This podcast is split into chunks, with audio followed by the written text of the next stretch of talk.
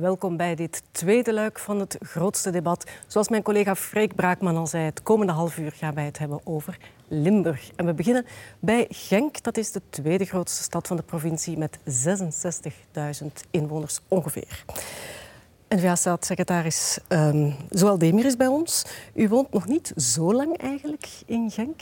En toch doet u wel meteen een gooi naar het burgemeesterschap. Heeft u zo graag zelf de touwtjes in handen? Klopt, ik ben geboren en getogen in Genk. Maar ik heb na mijn studies, zoals heel veel Genkenaren, naar een grote stad getrokken. Maar ik ben teruggekomen en ik hoop dat dat een voorbeeld is voor heel wat andere Genkenaren die niet in Genk wonen. Mevrouw Ketier, wij kennen u vooral als eh, SPA-fractieleider in de Kamer natuurlijk. In Genk komt u op op de tweede plaats voor met Pro-Genk. Waarom bent u niet zelf lijsttrekker eigenlijk? Ja, ik woon uh, twee jaar officieel in Genk. Genk is uh, voor mij niet onbekend. Ik heb er 14 jaar gewerkt. Ik ben er ook altijd uit geweest. Maar ik woon twee, uh, twee, jaar officieel in Genk. We hebben een goede ploeg. We zitten mee in de meerderheid. En ik vind dat onze mensen het fantastisch goed gedaan maar hebben. En ik ga steunen vanuit de tweede plaats. Meneer Dries, u bent de populaire burgemeester, CD&V. Um, u hebt hier twee gemotiveerde dames die u het leven eigenlijk heel moeilijk willen maken. Ze willen u onttronen. Wat doet dat met u? Wel, uh, het zijn verkiezingen en uh, wij hebben uh, een goed palmares wat we kunnen voorleggen. Bij de sluiting van Fort stond ik mee aan de poorten tussen de mensen op kerstavond. En we hebben toen de, met de handen het werk vastgepakt en gezegd we gaan ervoor. En ik denk vandaag hebben we heel wat projecten kunnen realiseren. Het Torpark, een technologiepark op de Oude Mijnsite van Maar daar gaan we het straks nog over hebben, maar over ook de uitdagingen proberen we aan te nemen. Dus ja, ik denk, zo horen het bij verkiezingen te zijn, een uitdager. Maar uh, goed, we kijken met uh, toch wel een goed gevoel terug naar de afgelopen zes jaar. De inzet deze verkiezingen bij jullie is het samenlevingsmodel, dat mag ik echt wel stellen. We hebben daarom een stelling van um, de Stem van Vlaanderen erbij gehaald. Ik lees ze even voor. Moslims die weigeren aan de bevoegde schepen een hand te geven, niet laten trouwen. Zowel Demir is daar helemaal mee eens. Ook Wim Dries gaat daarmee akkoord. Merjam Ketier ziet dat anders en vindt dat een schepen moslims moet trouwen, ook als ze geen hand geven. Waarom, mevrouw Ketier, is die hand niet nodig? Ja, ik vind dat de stelling eigenlijk uh, twee thema's door elkaar haalt. Hè. Je hebt wettelijk geen enkel argument om die mensen te weigeren om, om te trouwen. Uh, dus daarom dat ik gezegd heb dat ik het niet helemaal niet mee eens ben. En het eerste stukje, elkaar een hand geven of niet, dat gaat over de manier dat we met elkaar willen samenleven. Ik ben in Genk heel goed ontvangen geweest. Ik vind, dat ik, ik vind Genk een fantastische stad. En waarom vind ik Genk een fantastische stad? Omdat de Genkenaren altijd naar de waardigheid van de mens kijken. Een Genkenaar beoordeelt iemand op wie hij is, op de manier waarop hij het respecteert. De wetten zijn voor iedereen, ongeacht wat hij afkomst is. En van het moment dat je wet uh, overtreedt, dan gelden de regels ook het voor iedereen. respect het gaat over dus. respect en het gaat er ook over om mensen die te verdelen een goede Genkenaren en een slechte Genkenaren. Maar de regels zijn er voor Dat is ook iedereen. niet de bedoeling van deze stelling. Maar meneer Dries, um, hoe pakt u dat aan? U bent ongetwijfeld al uh, voor het dilemma gesteld. Een hand geven aan een moslim of niet? Vijf. Vijf keer heb ik vorig jaar uh, geen hand gekregen. Drie daarvan door Vlaamse mensen die kwaad op mij waren en die vonden dat ik foute dingen had gedaan. Eén door een oudere moslima die mij heel vriendelijk groette met haar hand op uh, het hart. En een vrouw uit India die mijn voeten aanraakte omdat ze respect wou tonen voor de burgemeester. Ik denk dat het daarover gaat. Het gaat over respect tonen. Uh, het officieel of wettelijk weigeren van een huwelijk doe je niet omwille van een hand geven. Dat mag ook niet. Maar het gaat voor mij wel over respect tonen aan elkaar. En dat verwacht ik wel. Dat verwacht ik dat men doet aan elkaar in de Gengse gemeenschap en dat men ook doet aan het stadsbestuur. En ik moet zeggen, ik ervaar dat iedere dag eigenlijk dat dat gebeurt. Ik ga naar mevrouw Demir, want stel u bent schepen van burgerlijke stand. Trouwt u zo'n mensen of niet? Ja, ik uh, ben in mijn vorig leven schepen geweest van burgerlijke stand. Ik moet zeggen, ik heb dat niet meegemaakt. Uh, je hebt natuurlijk verschillende culturen waar dat er op uh, allerlei ja, manieren... Ja, over, waar dat op allerlei manieren een begroeting wordt gedaan. Nu stel dat ik in een ander land zou wonen en de cultuur is daar dat je de hand op het hart Ja, ik zou dat daar volgen, uit respect voor de cultuur, omdat ik daar woon. Maar wij wonen hier in Vlaanderen en hier is wel de gewoonte en de cultuur dat we als we elkaar begroeten, dat we elkaar een hand geven. En ik vind, als men niet de hand wilt geven, ik vind dat een onwil van respect tonen, want daar gaat het over, ten aanzien van de cultuur en de gewoonte die er is. U heeft de laatste tijd al een paar keer gezegd dat er een tikkende tijdbom is in uw stad Genk. Er leven meer dan 100 nationaliteiten bijeen. Hoe uitzicht dat dan, die tikkende tijdbom? Ja, ik denk dat we uh, toch wel goed moeten opletten dat we niet in een samenleving komen waar dat er uh, twee uh, snelheden zijn. je ziet dat op verschillende manieren, bijvoorbeeld de schooluitval, maar ook de taalachterstand. Wij moeten echt wel bijbenen wat dat het Nederlands betreft. Je ziet dat ook in de werkloosheid, waar dat we het straks over gaan hebben, mhm. denk ik. in bepaalde wijken, waar dat jongeren bijvoorbeeld ook niet meer het nut zien van naar school gaan en gaan werken. En ik denk dat we daar echt wel een, een steentje moeten gaan bijsteken, denk ik. Meneer Dries, u bent negen jaar aan de macht. Voelt u zich aangesproken? Wel, uh, ik uh, kom iedere dag in Genk tussen heel veel mensen en ik voel inderdaad dat mensen op een goede manier samenleven. Zijn er spanningen in onze samenleving? Ja, maar die voel ik ook in heel Vlaanderen mm. en daarbuiten. En vandaar ook dat wij zeggen, we moeten zorgen dat we mensen kansen kunnen geven en dat we ook uh, zorgen dat ze kansen nemen. Want dat leidt met Nederlands vanaf nul jaar tot een diploma. Dat leidt tot een job. Dat leidt tot een integratie in de samenleving. En dat is eigenlijk het model van iedereen Genkt. En zo proberen wij onze stad te bouwen. Gebeurt dat af en toe met vallen en opstaan? Ja, dat geef ik in alle eerlijkheid toe. Maar ik zie wel, uh, meer dan 55 procent van onze stad is van een andere origine, van een andere afkomst. Dus bijna één op de, uh, meer dan één meer op dan twee. één op twee. En ik zie wel dat die op een goede manier samenleven. En Mevrouw dat we bruggen bouwen tussen de mensen. ook graag even tot bij u, want u hebt jarenlang bij Fort Genk gewerkt. U bent ook vakbondsafgevaardigde geweest. U hebt in die hoedanigheid ook met ontzettend veel mensen contact gehad. Ziet u inderdaad dat de samenleving verandert in Genk? Ziet u een evolutie? Ja, ik eh, ervaar toch een ander Genk, moet ik zeggen. Uh, Genk is een stad en in een stad is het altijd werken aan de manier van samenleven met elkaar, omdat je met verschillende individuen bent. En ik stel vast dat inderdaad vandaag uh, sommige problemen tot op de spits gedreven worden en ik hou niet van die stijl. Want als je een probleem vergroot, ja, dan zorg je er eigenlijk daarvoor dat je eigenlijk door de oplossing, de afstand tot de oplossing veel verder, dat je veel verder staat van de oplossing. Wij zijn in Genk, hebben we voor grote uitdagingen gestaan. De burgemeester heeft het al gezegd, zes jaar geleden zijn we samen in, bad gegaan. We hebben de stad bestuurd. We stonden voor een enorme uitdaging. Fort ging sluiten samen met de mhm. toeleveranciers. Maar we hebben hard gewerkt. We, hebben, we zijn de problemen niet gaan vergroten. We hebben ze onmiddellijk aangepakt. We, hebben een begeleiding aangepakt. problemen heel specifiek ja, en, Maar ook alle problemen die er zijn. We, het is niet dat wij problemen ontkennen. Er is werk aan de winkel. Maar we hebben die altijd samen met de Genkenaren aangepakt. En dat is de stad die ik ken van Genk en waar ik fier op ben. Meneer Dries, heel veel splijtswammen in uw stad, maar uiteindelijk Racing Genk. Kan dat verbindend werken? Wel, uh, absoluut. Uh, splijtswammen. Ik denk dat er uitdagingen zijn in onze stad. Uh, Racing Genk is iets waar vele Genkenaren op vier zijn. En ik denk dat het ook zo moet blijven. We gaan vanavond trouwens winnen. Maar dat is onze bedoeling alleszins. En dat gaat ook lukken. Dus ja, ik denk dat Racing Genk een mooi voorbeeld is van hoe mensen samenleven. Het is eigenlijk een fusie tussen twee mijnclubs, Winterslag en mhm. Waterschei. En er was in het begin ook wel heel wat spanning over. soms zelfs nog, als je bij de diehards zit. En dat is ook logisch. Dat mag ook. nu, voetbal is ook emotie. En we hebben natuurlijk zeer veel Ik merk dat bijvoorbeeld ook als Italië speelt of Polen speelt of uh, andere landen spelen, ja, dan voelen we in Genk dat we eigenlijk altijd wel iemand hebben die supportert voor één of andere club. Ik snijd een nieuw thema aan, de werkloosheid. Um, speelt enorm bij jullie in Genk natuurlijk. Na de sluiting van de mijnen en recenter ook Fort Genk, wat al met alle toeleveringsbedrijven, wat daar juist al is genoemd. We moeten wel eerlijk zijn, intussen is de werkloosheid wel verbeterd bij jullie. Um, voor het eerst in tien jaar is die onder de 10% gezakt, terwijl het gemiddelde in Vlaanderen ter vergelijking 6% is. Een neveneffect daarvan is natuurlijk die kansarmoede. Eén op de drie kinderen bij jullie leeft in armoede. Meneer Dries, dat zijn harde cijfers. Dat zijn absolute harde cijfers en uh, dat is ook een uitdaging die we moeten aanpakken. Heeft u gefaald? Wel, uh, ik denk dat wij niet gefaald hebben, want we hebben als stadsbestuur heel erg daarop ingezet. Maar het is natuurlijk een samenloop ook van omstandigheden. Uh, Fort die sluit, de mijnen die nog niet goed verteerd waren. En ik zie ook overal, als je gaat kijken in steden zoals Antwerpen en andere, dat men ook op 30 procent en meer zit. En dat dat groeiende is, trouwens in heel Vlaanderen en in heel België. En wat wij proberen te doen, is net in te spelen daar waar wij kunnen. En uh, het heeft vaak te maken met een duurzame tewerkstelling. Met hebben ze een job die er iedere maand zeker is voor uh mhm. -huh. inkomen. Tewerkstelling komen we zo meteen ja, nu, wat wij vooral proberen te doen is Nederlands vanaf nul jaar. Met onze OCMW-medewerkers staan wij aan iedere deur van zo'n kansarm gezin en gaan we kijken wat zijn de noden, wat zijn de behoeftes. Hoe kunnen we die mensen kansen geven? Want dat is voor ons belangrijk. een, een eh, taal is absoluut, maar ook die stimulering van het gezin uh, met projecten die we hebben rond taal en rond ook stimulering van hoe ga je om en laat ze op eenzelfde niveau beginnen aan de kleuterschool. Dat is iets wat we heel erg hard uh, proberen mevrouw Ketier, ik kom graag even tot bij u. Um, onlangs heeft mevrouw Demir in een um, gezamenlijk debat hier op VTM geopperd dat een schepen van armoedebestrijding misschien wel iets is. En u was dat idee ook genegen, blijkbaar.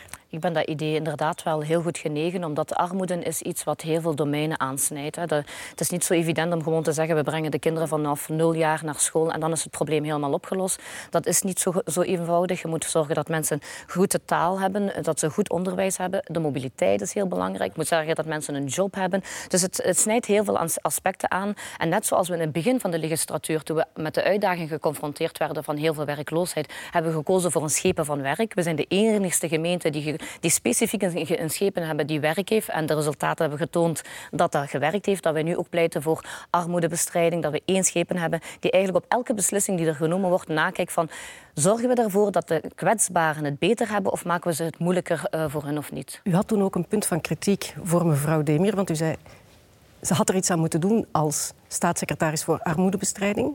Is dat zo? ja, ik vind dat uh, heel goedkoop om dat zo te stellen. Want mevrouw Kitier en ook de burgemeester weet ook dat je armoede niet alleen op één niveau oplost. Hè. Ik ga ook niet zeggen, de, de burgemeester, toen dat hij aantrad, was het 17% armoede, kansarmoede, kinderen. En uh, acht jaar later zitten we aan 30% Maar ik ga niet zeggen, het is allemaal de schuld van de burgemeester. Als ik kijk naar mijn beleid federaal, dan hebben wij uh, nog met het zomerakkoord 100 miljoen erbij gekregen, waarvan 20 miljoen alleen gaat naar bijvoorbeeld kinderopvang van alleenstaande werkende mensen. Ik denk dat dat een heel goede maatregel is. Er zijn wel nog geen eh, projecten naar maar, gekomen, uh, mevrouw Ja, maar mevrouw Kitier, waar dat ik voor bevoegd ben, dat zijn die laagste uitkeringen. En ik ben eigenlijk... en ik vind dat we daar grote stappen hebben gezet. kan het beter? Absoluut ja. Maar die stappen die wij in die regering hebben gezet, die zijn wel veel groter dan de regering waar dat die Roepo in heeft gezet. Maar, maar, lokaal, maar lokaal, want met geld alleen lossen we het niet op. Daar ben ik nu echt wel van overtuigd. Met werk we moeten inzetten... Heeft u genoeg gedaan voor de werkgelegenheid? Wel, absoluut. Uh, u heeft de cijfers genoemd. Ze kunnen nog beter. Maar we hebben een heel aanklampende aanpak gedaan. Uh, we hebben jongeren met en qua nekvel... Ja, want de jeugdwerkloosheid is immens groot bij jullie. Zeker een uitdaging. Eén op de vier, 23 procent. Ja is werkloos bij jullie. Wat gaat u daaraan doen? Wel, we hebben vooral geprobeerd die jongeren ook eh, bij het nekveld vast te pakken en te zeggen, we gaan nu meepakken, we gaan nu En hoe doe je zoiets? Wel, we hebben vijf jobcoaches, één jobmakelaar. Die coaches die vinden die jongeren ook in de wijken, pakken die vast, geven die ook uh, wat attitudetraining, wat werkervaring. En meer maar heeft het dan wel gewerkt? Want we, we hebben 600 trajecten gedaan, 350 mensen zijn aan het werk geraakt en de andere, daar zijn we met opleidingstrajecten bezig. Die hebben we bijvoorbeeld in een tweede kansenonderwijs kunnen thuisbrengen. Dus als je op 600 mensen, 350 mensen, kan effectief een job bezorgen, dan denk ik dat dat een hoog percentage is. Trouwens, we moeten dat ook doen samen met de VDAB en met andere uh, organisaties om dat te doen. Maar wat voor ons belangrijk is, is dat we die jongeren meepakken en een goed verhaal geven en zeggen, kijk, wij gaan u nu de juiste attitudes aangeven om zo ook die job definitief te hebben. En als je een goede job hebt, dat betekent ook integratie in de samenleving en dan zijn we op weg. Over tien dagen zijn het verkiezingen. We gaan het eens hebben over die 14 oktober. U wil de absolute meerderheid, meneer Dries. Um, nu bestuurt u de stad nog samen met de socialisten. U wil af van mevrouw Ketier. Wel, wij hebben heel goed samengewerkt in de, de, laatste legislatuur. Daarvoor zaten we in een kartel met de NVA. En uh, wij hebben, uh, hadden 41 procent. En ik heb altijd gezegd dat ik uh, ga voor een beter resultaat. Ik denk dat je dat mag doen in de politiek. ik wacht de verkiezingen de burgemeester wil van u af? Nee, dat heb ik niet gezegd. Ik heb gezegd dat we goed hebben samengewerkt. Maar we gaan voor een goed maar resultaat. Alleen. En op 14 oktober zullen we zien wat dat betekent. Dan gaan we kijken met wie we kunnen samenwerken. Ja, ik ben blij dat je erkent dat we goed hebben samengewerkt. Absoluut. Want de resultaten die er zijn, die mogen er best zijn. En daar ben ik fier en trots op. Als pro-Genk willen we inderdaad wel groeien. En wat voor ons betreft is... Ik denk dat het niet goed is dat de stad door één partij alleen bestuurd wordt. Als je met twee partijen bestuurt, dan heb je betere diversiteit. We hebben het verschil gemaakt, we hebben goed werk geleverd. En wat van ons betreft willen we graag de samenwerking verder zetten. Mevrouw Demir, ik heb u heel nederig horen zeggen op TV Limburg dat u wel schepen wil worden onder burgemeester Dries.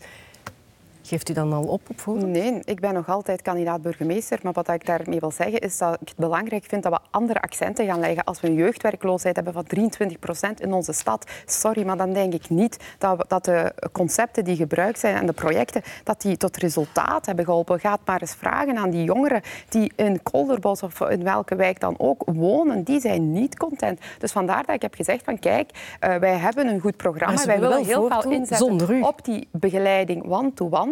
En als de burgemeester... willen voortdoen zonder. En als de burgemeester heel het programma wilt uitvoeren, dan de, de posten op zich interesseren mij niet. Maar het belangrijkste is wel dat de Genkenaar op 14 oktober moet gaan stemmen. En ik heb een groot vertrouwen in wat dat zij gaan stemmen. Ik denk dat We zijn heel erg benieuwd wat de Genkenaren gaan doen, inderdaad, op 14 oktober. Bedankt, meneer Dries, mevrouw Ketier en mevrouw Demir voor de komst naar het grootste debat. En ik loop hier naar twee andere grote bekenden in Limburg. Twee burgemeesters ook, eh, meneer Van Veldhoven en meneer De Waal. Ehm, uw gemeente is groter dan die van u. Hoeveel inwoners heeft u? Boven de 34.000. En u moet het stellen met... Bijna 31. Ja, dat is iets minder toch, hè? Pikt dat? Helemaal niet. Ehm, u bent allebei ook eh, politiek actief, nationaal. U bent ook Kamerlid allebei, minister geweest. Een hele rijke ehm, politieke carrière. Ehm, en toch wil u nog naar die lokale politiek. Wat is er dan zo aantrekkelijk aan die lokale politiek?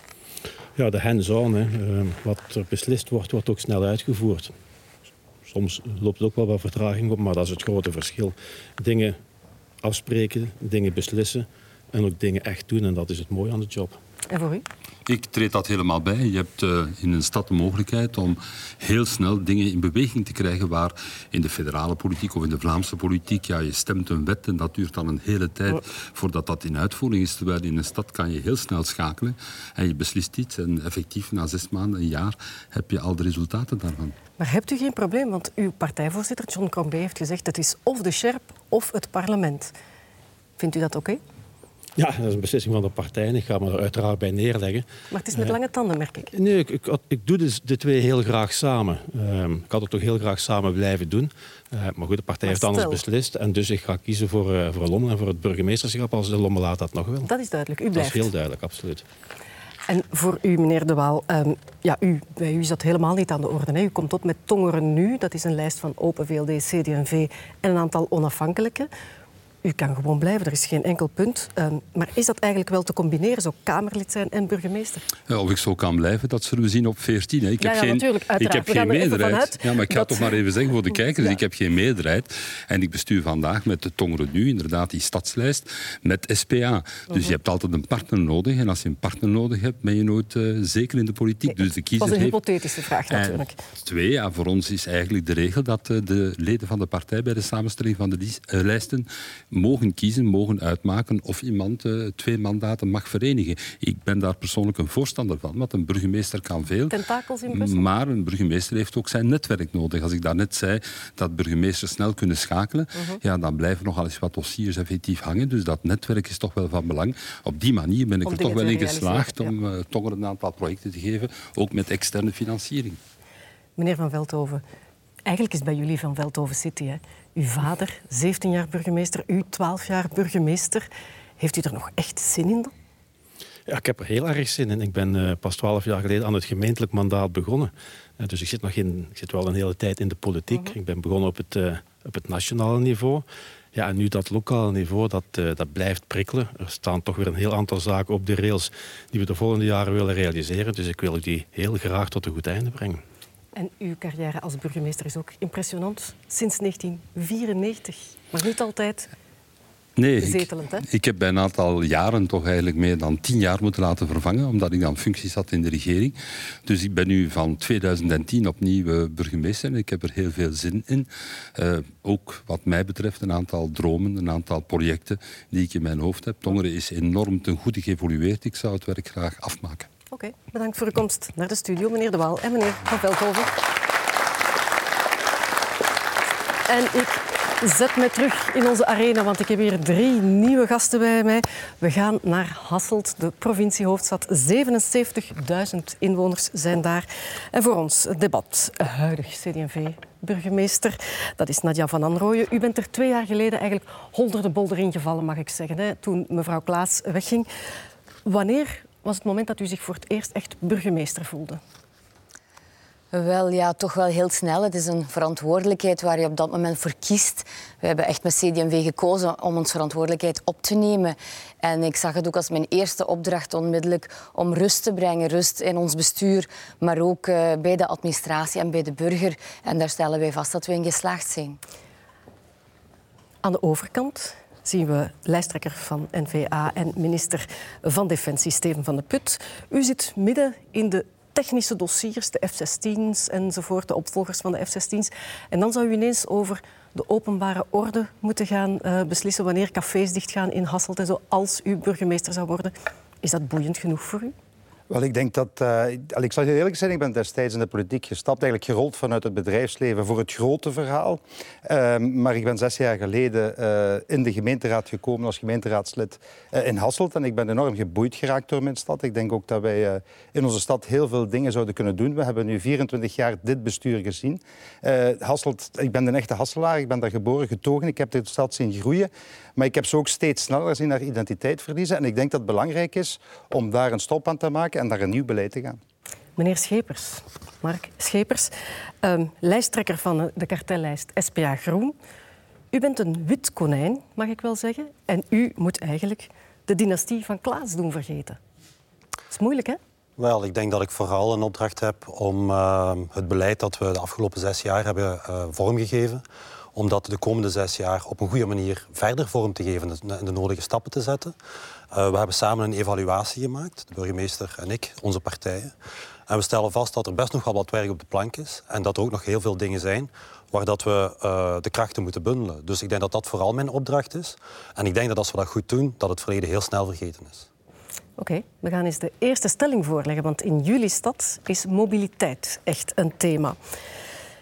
Een stelling uit de Stem van Vlaanderen. De auto weren uit het centrum en meer investeren in openbaar vervoer en fietsinfrastructuur. Nadja van Androoyen is daar helemaal mee eens. Mark Schepers ook nog wel, maar Steven van de Put is toch iets minder overtuigd. Mevrouw van Androoyen, waarom bent u daarvoor? Wel, ik denk uh, dat het echt tijd is dat wij een mobiliteitspact over de partijgrenzen heen sluiten wat betreft openbaar vervoer. Dan spreken we over een hoger niveau. Dus dat is niet direct het lokale niveau, maar we zijn als provincie en als provincie-hoofdstad echt wel benadeeld als het gaat over openbaar vervoer. Dus we hebben heel dringend die treinverbindingen nodig, bijvoorbeeld ja. naar Antwerpen. En ook het Spartacus-project, daar sta ik 100% achter. Spartacus-project, legt u het even kort uit? Wel, ja, het gaat over een uh, snelle tramverbinding die toch wel staat voor de ontsluiting van onze hele provincie. Niet alleen van Hasselt, met Maastricht, met Eindhoven en met Maasmechelen. Wat toch een hele grote verkeersproblematiek met zich meebrengt. Ja, want er komen 800.000 mensen shoppen in Hasselt per jaar. Hè? Onder andere, maar we hebben ook 60.000 verplaatsingen, autoverplaatsingen in die stadskern. En dat is gewoon problematisch. Dat krijgen we niet zelf opgelost in Hasselt. Daarvoor hebben we echt dat openbaar vervoer nodig. Natuurlijk moeten we ook inzetten op die fiets. En moeten we natuurlijk zoveel mogelijk mensen veilig op de fiets krijgen. Mark Schepers, heeft uw partij de erfenis van Steve Stevaart laten liggen? De man van het gratis openbaar vervoer. Wel, ik denk dat wij, uh, als ik even naar de stelling kijk... Volledig moet onderschrijven dat we dat stadscentrum een stukje uh, autoluwer willen maken. Misschien zelfs een stukje autovrij. Maar het moet passen in een groter geheel, waar dat openbaar vervoer inderdaad een onderdeel van uitmaakt. En ik vul even aan, voor mij is het Spartacusplan een openbaar vervoersplan van Limburg dat fundamenteel is, dat belangrijk is dat we dat heel snel gaan uitvoeren, want het feit dat het vandaag niet is uitgevoerd, veroorzaakt files op de invalswegen. We staan vandaag op de Kempse Steenweg, op de Keuringen Steenweg en mensen daar die daar met de wagen komen die geen alternatief hebben, omdat ze vanuit Lommel geen alternatief hebben of vanuit Mazeik geen alternatief hebben, die gaan door onze wijken rijden. Dus we hebben heel veel last van sluikverkeer. Dus ik denk dat dat openbaar vervoer op regionale schaal een belangrijke oefening is die we snel moeten gaan invullen en ook op lokaal vlak. Ik ga naar meneer Van de Put. U bent er niet zo'n voorstander van om die auto te bannen, hè? Wel, ik denk, uh, ik heb vooral willen aangeven dat uh, als we zeggen we willen meer auto's, ook wij willen meer auto's. Ik denk dat Hasselt een heel specifieke situatie heeft waar we eigenlijk een kleine ring hebben, zoals wij de Groene Boulevard noemen, en de grote ring. En dat we veel te veel auto's nog aantrekken tot aan die kleine ring in doorgaand verkeer. Dus we moeten absoluut zorgen, en dat kunnen we binnenkort uh, met de technologieën die veranderd zijn, dat we het bestemmingsverkeer nog altijd toelaten, maar dat we het doorgaande verkeer eigenlijk uit ons stadscentrum gaan weren. En dat gaat al veel oplossen. Maar wij zijn natuurlijk ook voor een duurzaam openbaar vervoer. En ik denk vooral ook, Hasselt is niet zo'n heel grote stad. Wij zijn eigenlijk een stad die gemaakt is op schaal van de 8000 mensen bijgekomen in tien jaar tijd. Ja, maar ik bedoel, in oppervlakte, mevrouw, zijn wij eigenlijk een stad die gemaakt is op maat van de fietser. En wat heeft de gratis bus destijds gedaan? Die heeft de kinderen van de fiets afgehaald en op de bus gezet. Wel, dan moeten we omkeren. En dan stel ik vast inderdaad, allee, ik hoor graag eh, de evolutie eh, bij de huidige meerderheid, maar ik stel vast dat de voorbije zes jaar nul meter fietspad is bijgekomen in Hasselt. En dat is waar we eerst en vooral moeten inzetten. We moeten zorgen dat we de alternatieven hebben voordat we grote woorden vertellen over uh, auto's, weren en dergelijke meer. Eerst het alternatief dus. Tweede thema dat we gaan aansnijden is de veiligheid en de openbare orde. We horen van Hasselaren dat u daar zeer, zeer streng in bent. Bijvoorbeeld bij de Jeneverfeesten in het centrum moeten de togen dicht, de, de muziek moet uit eh, vanaf 11 uur s'avonds zelfs. Is dat eigenlijk niet een stap doodknijpen, zoiets? Wel, we zijn wat dat betreft zeer goed georganiseerd. Ik moet ook zeggen dat de Hasselaar echt zijn evenementen omarmt. 80% van de Hasselaar zegt daar fier op te zijn. En het Geneverfeest staat daar op de eerste plaats, denk ik. Maar we hebben daar dus inderdaad zeer weinig klachten over. Maar dat is omdat we het zo goed organiseren, omdat we goede afspraken maken daarover. Het verwijt dat jullie in een grote seniorie wonen eigenlijk. Dat er veel te veel ouderen zijn en dat jullie hen vooral... Dat moet ik echt tegenspreken, want de cijfers, objectieve cijfers... U, u zei net, de groei, 630 mensen per jaar komen daarbij. De helft daarvan daarvan is jonger dan 34 jaar. Dus er komen senioren bij, maar er komen evenzeer jonge mensen bij. Dus we hebben echt niet de indruk dat jonge mensen uh, afgeschrikt worden om naar Hasselt te komen wonen. Maar zijn het vooral de senioren die in het centrum wonen, die die dure appartementen daar kunnen betalen? Wel, um, dat gaat zeker niet alleen over het centrum. Er zijn inderdaad senioren van over heel Limburg en daarbuiten die voor het comfort naar de stad komen. Maar zoals ik al zei, er zijn evenzeer jonge gezinnen die naar de stad komen. En we moeten inderdaad wel aandacht geven aan betaalbaar wonen, aan kleinere woonentiteiten, zodanig dat ook alleenstaanden, want dat doet zich voor, gezinsverdunning, dus dat alleenstaanden inderdaad ook een woning kunnen kopen of huren. Dat is wel heel belangrijk. Meneer Schepers, de horeca heeft al gevraagd om aan die strenge regels van de openbare orde toch iets te doen. Stel dat u burgemeester wordt, doet u dat dan? Wel, ik denk dat het belangrijk is om, uh, als je een evenementenbeleid voert in de stad, dat je alle betrokkenen in die stad probeert te betrekken. Hè, uh, in de manier waarop dat je dat evenementenbeleid voert. Uh, de horeca hoort daarbij, de inwoner hoort daarbij. En ik denk dat we de traditie die we hebben als sterke evenementenstad met mooie evenementen. Winterland is denk ik heel, heel erg bekend. we hebben de tweede grootste kermis van het land. Wel, als we die traditie willen volhouden, dan denk ik dat het belangrijk is om de inspraak die er is bij mensen, of die gevraagd wordt door mensen, maar ook de horeca-uitbaters en anderen, om daar rekening mee te gaan houden. Dus ik denk dat we dat moeten gaan doen. Meneer Van de Put, Hasselt moet voor jongen horen we langs alle kanten. Hoe kan Hasselt voor jongen? Wel, vooral om gastvrij te zijn voor jongeren. En zeker als we kijken naar het stadscentrum, dan moeten we weten wat als we jongere gezinnen willen aantrekken, wat die eigenlijk nodig hebben. Die hebben nodig... En die woontorens die buiten de stad gezet zijn? Wel, die woontorens is initiatief. Dat is een beetje uh, moeilijk aangepakt, maar ik denk in elk geval dat daar e- voor de eerste keer is ingezet om effectief naar een jong publiek te gaan. Maar als we kijken naar onze binnenstad en we willen die laten bruisen, willen we ook de horeca daar terug laten leven. Want allee, onze evenementen zijn best wel oké. Okay. Ik denk en de dat hogescholen, moeten er meer hogescholen komen? Moet u Hasselt ook inzetten op meer? Wel, wij zijn vandaag een, een universiteitsstad. Hè. We hebben de U Hasselt, maar eigenlijk hebben we geen faciliteiten voor die studenten. Zijn ze eigenlijk zelfs niet welkom? Ze mogen vandaag zelfs niet in de stad komen wonen, die studenten. En dat, dat moet natuurlijk dringend veranderen. Willen jullie een nieuw soort Leuven worden? Wel, ik denk dat Leuven misschien niet het voorbeeld is wat we moeten doen. We zijn een veel kleinere universiteit, zullen dat ook altijd zijn. Maar ik denk wel, wij geloven in een bruisende stad. En de, de scheidingslijn tussen uh, plezier en bruisende stad en overlast is vaak klein. En wat we vandaag vaststellen is, de evenementen goed georganiseerd zijn, veilig, dat komt allemaal wel in orde. Voor mij part mogen er meer evenementen in de binnenstad zijn in plaats van aan de rand. Maar goed, eh, maar aan de andere kant is het ook zo, als je na acht uur vandaag in Hasselt op straat komt, is onze stad dood. En dat is natuurlijk heel jammer. En dat is bij gebrek aan bewoning. Daar begint het mee. Er zijn geen klanten die snel op stap alleen in de stad uh, een pintje kunnen gaan drinken, om het zo maar te zeggen. Er is ook geen plaats om de wagen kwijt te geraken, en zo verder enzovoort. Dus als wij willen jonge mensen in die stad laten wonen, dan moeten we gaan kijken dat we alles wat die jonge mensen nodig hebben om daar ook goed te dat kunnen wonen, ook voorzien. Ja. 14 oktober. En vooral daarna, hè. Mark Schepers, u sleept, ik zei het al, de erfenis van Hilde Klaas met u mee, maar anderzijds ook met die van Weile Steve, Stief Stevaart. Is uw leiderschap groot genoeg? Wel, ik denk dat ik uh, hier niet zou staan, moest ik daar zelf niet van overtuigd zijn. Hè. Dus ik denk dat dat al veel zegt.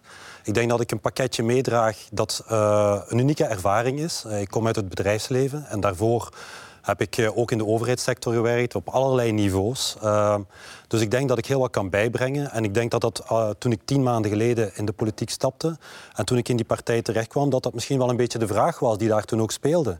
Maar vandaag zijn we op het moment gekomen dat ik uh, eigenlijk met trots wel kan zeggen dat de mensen in mijn partij en in het kartel uh, ja, fier zijn op het, op het traject dat we afgelopen maanden hebben branding voor u. Mevrouw Van Androoyen, u bent erin na het vertrek van mevrouw Klaas. Dat had ik daar juist al gezegd. U wordt verweten dat u te weinig een gezicht aan de stad heeft gegeven. Hoe komt dat?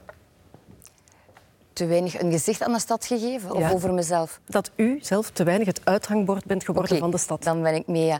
Wel, um, dat kan ik heel goed begrijpen.